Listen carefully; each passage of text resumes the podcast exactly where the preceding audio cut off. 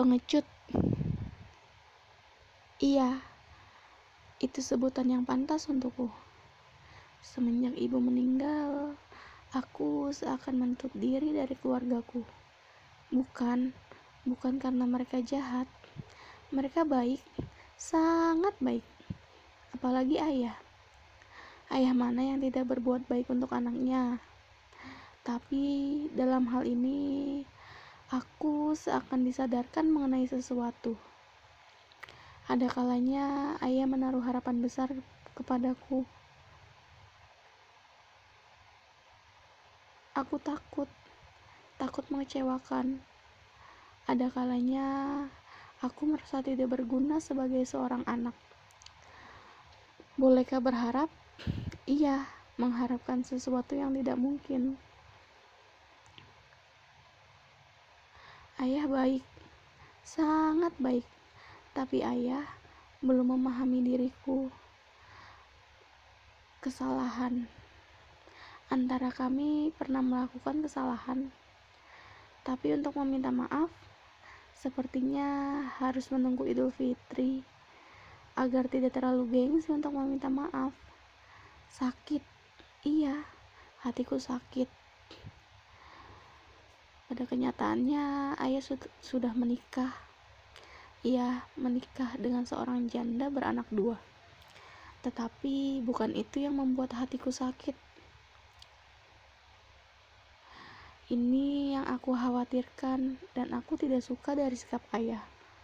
Ketika aku dihadapkan masalah psikis akibat bullying di tempat kerja, ayah malah seakan memojokkanku Seakan-akan aku tidak berguna. Aku selalu semaunya, dan aku egois. Mungkin yang ayah tahu, pekerjaanku membuat aku bahagia. bahagia.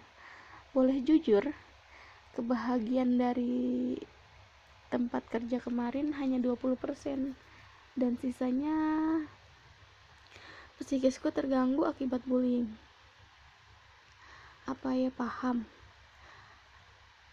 Apa sikap ayah memberi kekuatan padaku?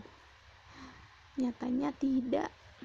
Ayah malah memojokkanku dan membanggakan anak tiri ayah. Hatiku sakit, hatiku remuk. Aku hanya bisa terdiam dengan menahan air mata yang seakan mendorong untuk keluar.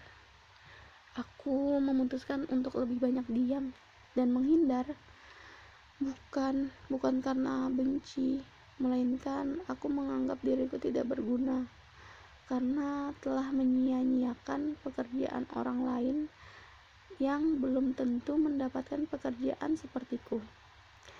Bagaimanapun, aku tidak pernah membenci ayah, tapi bolehkah aku berpesan? Bolehkah aku berargumen? Bolehkah aku menyampaikan pendapat? Ayah, aku hanya ingin kata maaf dari ayah.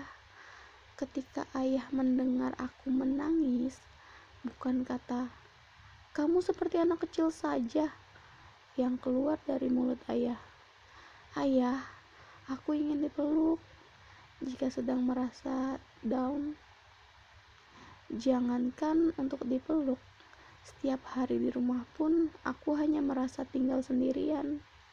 Selepas dari semua itu, aku hanya ingin mengucapkan terima kasih atas jasa ayah. Aku sayang ayah. Aku berharap jika yang mendengar podcast ini adalah calon ayah atau bahkan seorang ayah, aku berpesan tolong berikan perhatian kalian kepada anak-anak kalian.